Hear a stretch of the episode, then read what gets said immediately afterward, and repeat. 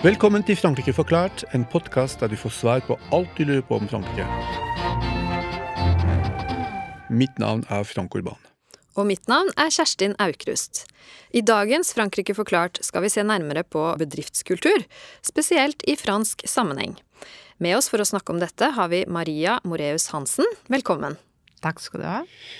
Maria er utdannet ingeniør med en mastergrad i petro petroleumsteknologi fra NTNU Trondheim og en mastergrad i petroleumsøkonomi fra IFPS School Paris. Hun har vært letersjef og plattformsjef i Hydro, eh, investeringsdirektør i Aker, sjef for olje- og gassdivisjonen i fransk Engie, og inntil nylig visekonsernsjef i det tyske olje- og gasselskapet Wintershall DEA. Hennes karriere vitner om en unik interkulturell kompetanse som gjør det mulig å sammenligne bedriftskultur i flere land. Eh, Maria, for å begynne, eh, kan du fortelle våre lyttere litt om de ulike etappene i din karriere? Jeg er jo utdannet i Trondheim. Eh, og endte jo opp i oljeindustrien på en måte litt uh, tilfeldig, vil jeg si.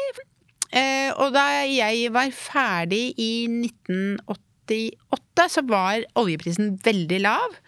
Uh, og det var vanskelig å få jobber i industrien. men det gjorde ikke meg noe, for jeg var egentlig litt mer akademisk interessert, så jeg begynte da på en doktorgrad.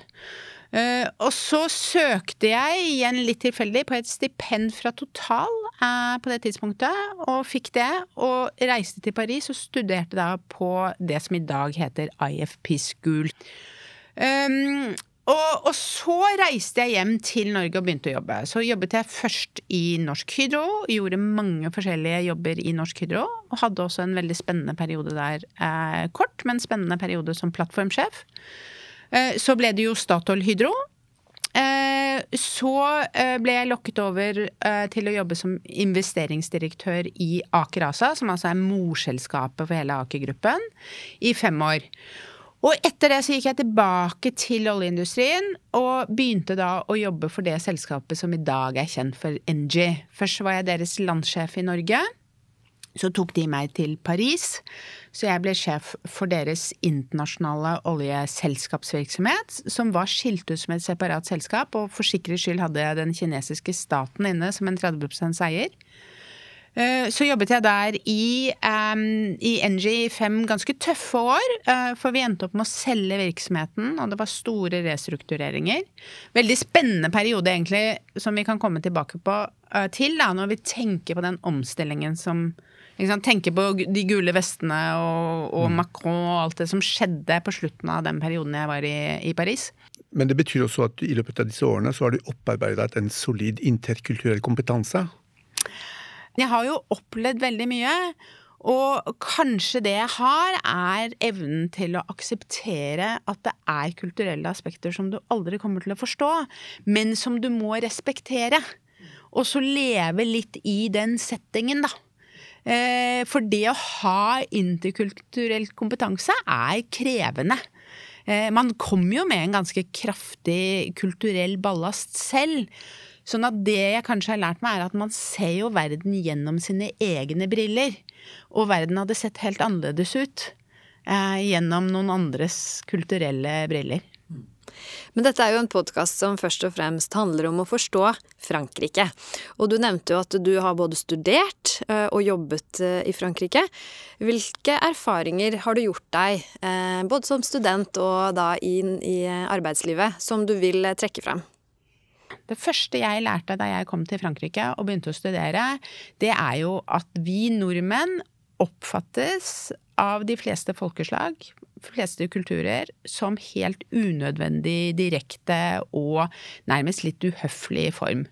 Og jeg husker jo på begynnelsen at det ble jo latterkrampe i glassene når jeg tiltalte professorer og sant, min måte å svare på spørsmål eh, på, eller min måte å ja, liksom, særlig dette med uh, professorene var veldig interessant, da. For de hadde jo liksom hele den høflighetsinnpakningen i sjargongen sin, og dette, dette, behersket jo ikke jeg i hele tatt.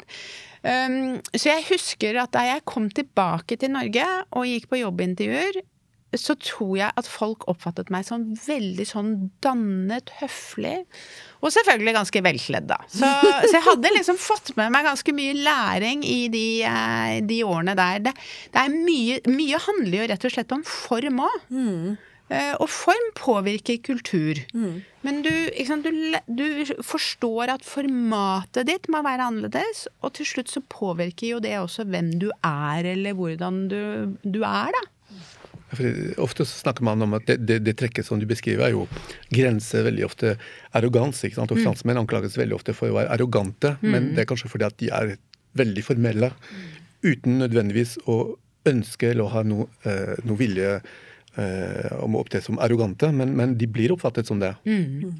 Så dette var de Man kan på en måte si at du ble litt mer fransk da, av, å, av å studere i, i Frankrike, men, men så, så, kom du jo tilbake til Paris um, og jobbet der. Var det fem år eh, du nevnte? Jeg jobbet Jeg bodde i Paris i tre år. Mm. Um, men jeg jobbet for NG lenger. Det første året jobbet jeg jo i Stavanger uh, for NG, og det var veldig interessant. Uh, så, så én erfaring som jeg har med, meg, med meg som, som jeg har lært veldig mye av, det er at jeg har jo hatt gleden av å jobbe i utlandet for internasjonale eller utenlandske selskaper som har hatt datterselskaper i Norge.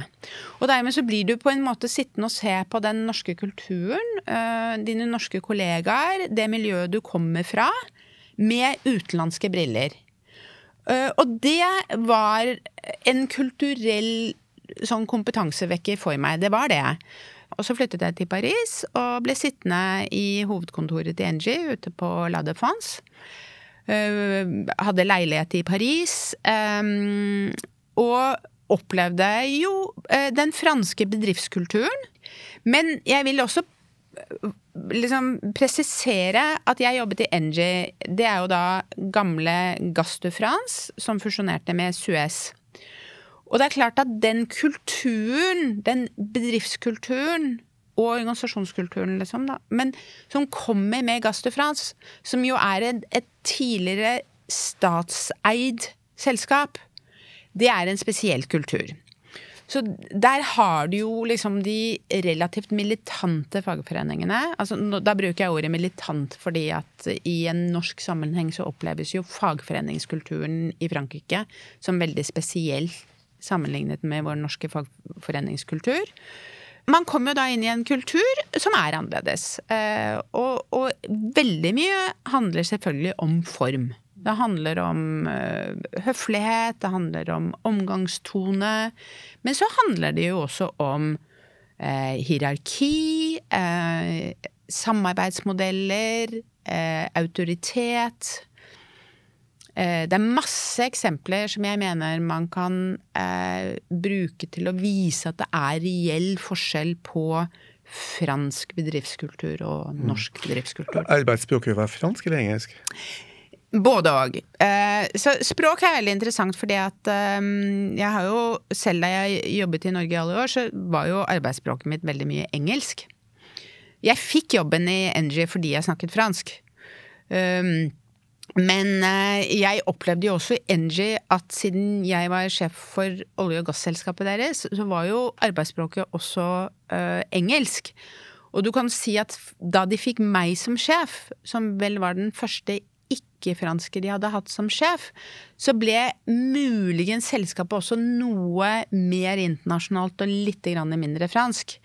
Um, så, så mye av arbeidsspråket var eh, engelsk. Eh, men klart at hvis jeg var innom NG styre eller NG konsernledelse, eh, eller en del av liksom de litt mer sånn enkle, kollegiale praten, den var på fransk. Mm. All dialog med fagforeningen måtte være på fransk, f.eks. Det, det er sikkert et lovkrav, egentlig.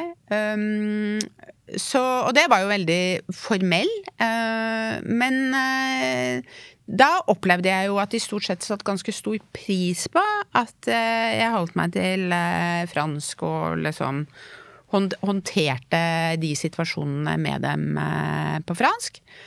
Um, vi, hadde, vi, kunne til og med ha møter hvor jeg snakket engelsk og de andre fransk. Altså hvis uh, vi hadde sånn kompliserte diskusjoner om ting. Uh, det var særlig en del av de som satt i konsernledelsen i, i Engine, som var veldig språkmektige. Og språkmektige nok til å liksom akseptere at det handler jo om å uttrykke seg og forstå.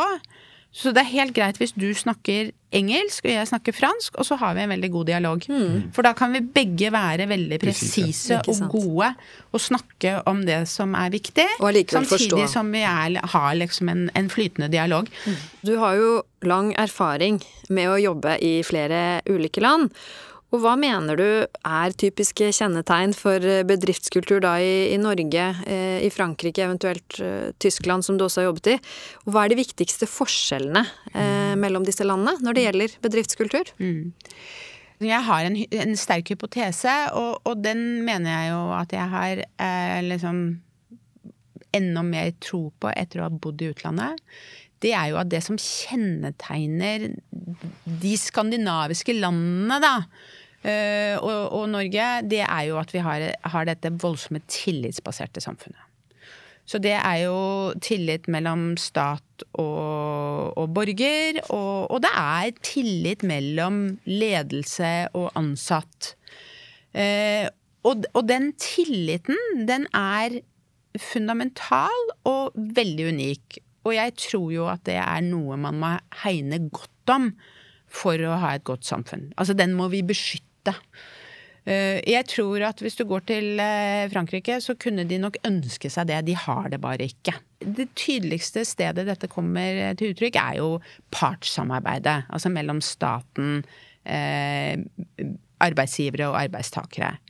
Så her har vi et system som fungerer basert på gjensidig respekt og en antagelse om likeverd. Um, så, og så tror jeg at det er sånn at når du går inn og jobber i en, et norsk selskap, begynner å jobbe i et norsk selskap, eller et selskap med en norsk kultur, så er rett og slett forskjellen på ansatt og sjef veldig liten. Man kan jo kanskje eh, ta et lite forbehold med selskaper som har eiere. Eier er alltid litt annerledes, men hvis dette er en hvor alle er ansatte, så tenker jeg liksom mange nordmenn ville tenke at i dag er jeg sjef, i morgen er jeg kanskje kollega. Her må man liksom oppføre seg. Um, og det preger jo den norske bedriftskulturen veldig, men det bli, gjør jo at du kanskje har en mangel på hierarki og struktur som forvirrer mange utlendinger som kommer til Norge og norske bedrifter for å jobbe. Liksom, hvor, hva er strukturen, hvor er hva er systemet? Hvor er sjefen? Ja. Og så kommer du til Frankrike. Eh, og, og, jeg tenker at Frankrike er et eh, klassedelt samfunn på mange måter. Uh, du ser det i utdannelsessystemet, og utdannelsessystemet er en del av klassereisen. Og så begynner du å jobbe, og så ser du ganske stor forskjell på liksom, ansatte og deres, eh, eh deres eh, rolle og plassering.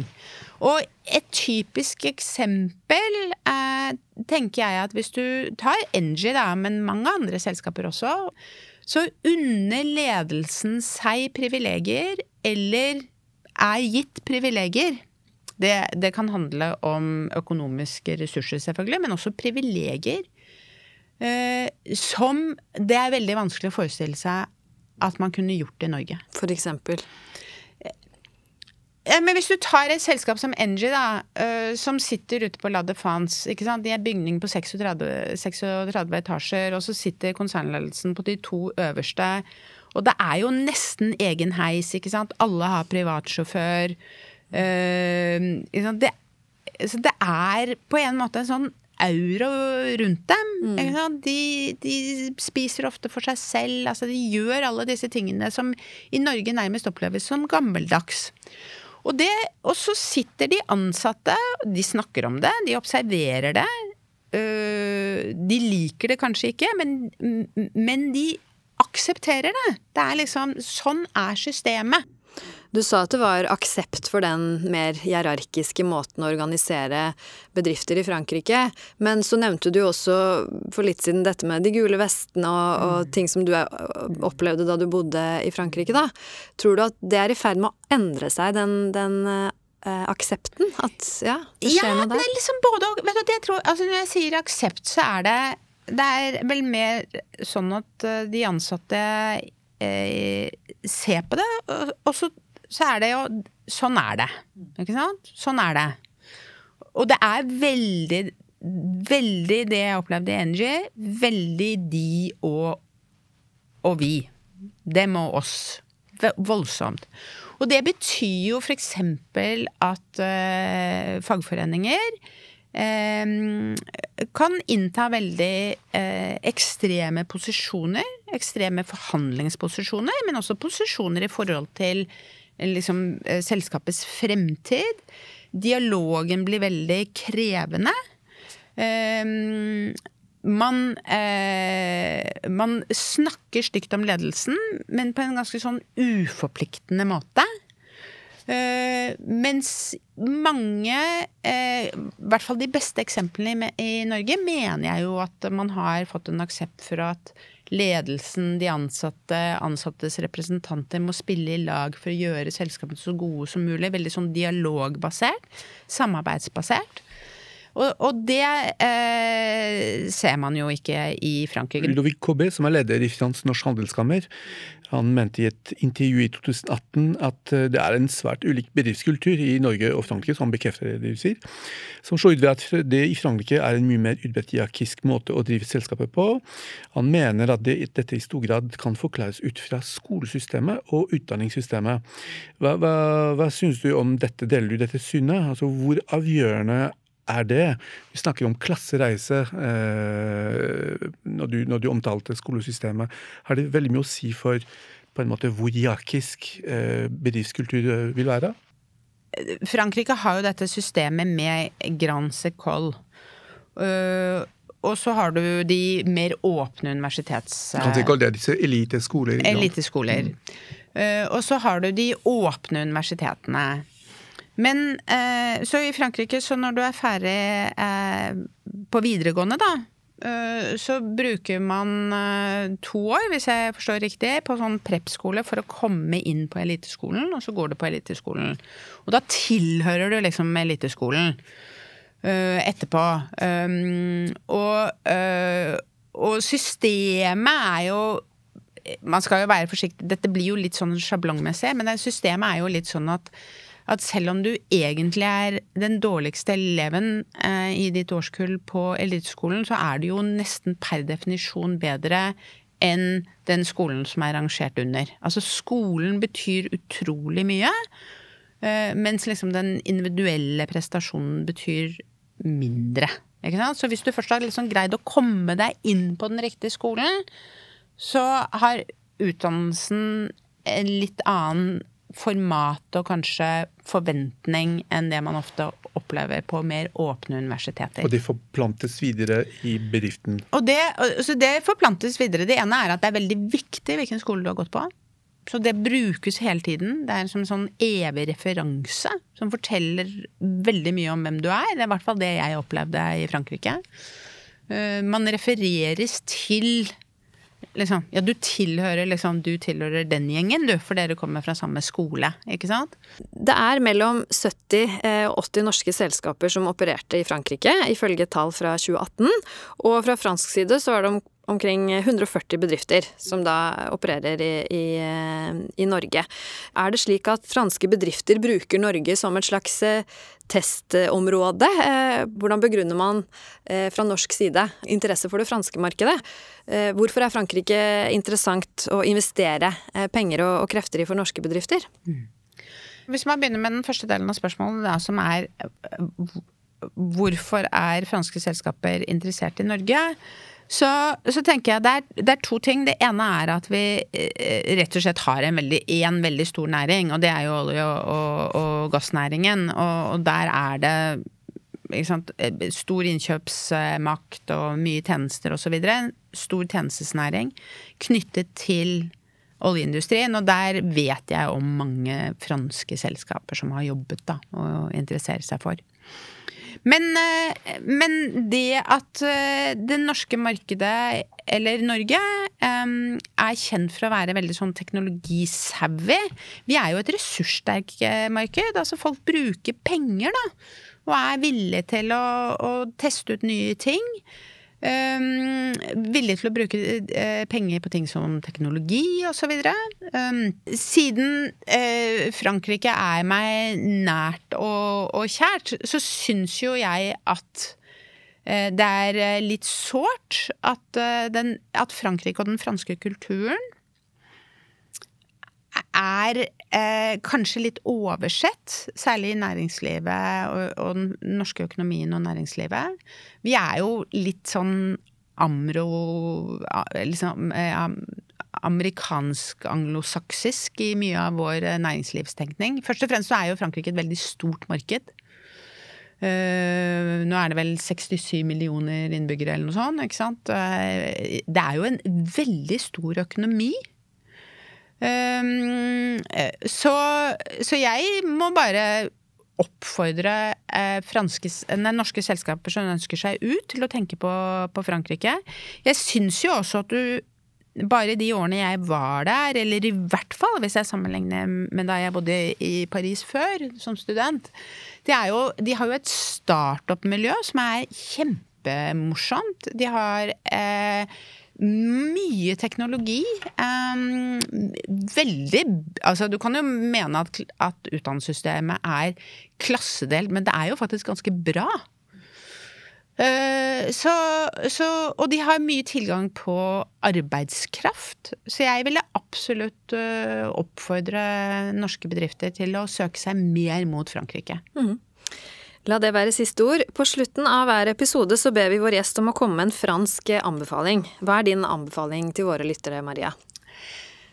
Uh, jeg, er, jeg, er, jo sånn at jeg alltid anbefaler litteratur, da. Uh, og, så, og akkurat i år så er det selvfølgelig veldig vanskelig å komme ut, utom, utenom uh, Albert Camus og Pesten. Men han har jo også skrevet en, en annen bok som heter L'étranger, altså Den fremmede, fra Algerie. Og jeg jobbet jo mye med Algerie da jeg eh, jobbet i Frankrike. Og jeg syns at den Algerie-Frankrike-historien og den spenningen som fortsatt er der, er veldig interessant å, å følge. Og i 2013 så kom det en eh, bok. Er det Meursault contre enquête? Ja. ja. Meursault contre enquête, ja. ja. Uh, som, er, som, er, som, spinner på denne ukjente uh, liket, holdt jeg på å si, han som uh, Morso kommer til i skade for å drepe, da. Uh, som aldri blir gitt en identitet. Jeg, så jeg vil egentlig oppfordre folk til å lese da uh, L'Etranger og så Morson Contre enquête. Contre enquête etterpå. For det syns jeg er veldig lærerikt hvis man kommer seg gjennom de to bøkene. Av Kamel Daoud, da, ja. den, den, siste romanen. Fransk har du Fransk, faktisk. Mm. Frank. Mm. Franske Frank. Franske Frank. Frank ja. har du også en liten anbefaling. Det har jeg. Denne gangen valgte jeg en sang fra en av yndlingsartistene mine, Erlend Bersung. Sangen gir et litt eh, dystopisk syn på bedriftslivet, med en fin reggae-riff. Den finnes i albumet Charterton, som kom ut i 1994. Jeg valgte en live-versjon av eh, sangen Ma petite entreprise, altså Min lille bedriften. Eh, opptaket er jo fra Det har stor betydning i disse dager. Opptaket er fra Bataclan i 2003, og linken finner du på vår webside. Da gjenstår det bare å takke vår gjest, Maria Moreus Hansen, så høres vi igjen i neste episode av Frankrike forklart. Au revoir! Denne podkasten er et samarbeid mellom Universitetet i Oslo og Høgskolen i Østfold. Abonner på Frankrike forklart på iTunes, Spotify eller på andre plattformer der du lytter til podkast. Har du kommentarer til oss eller forslag til temaer vi bør ta opp, kan du sende inn det via vår Facebook-side Frankrike forklart. Her vil du også finne informasjon om dagens episode.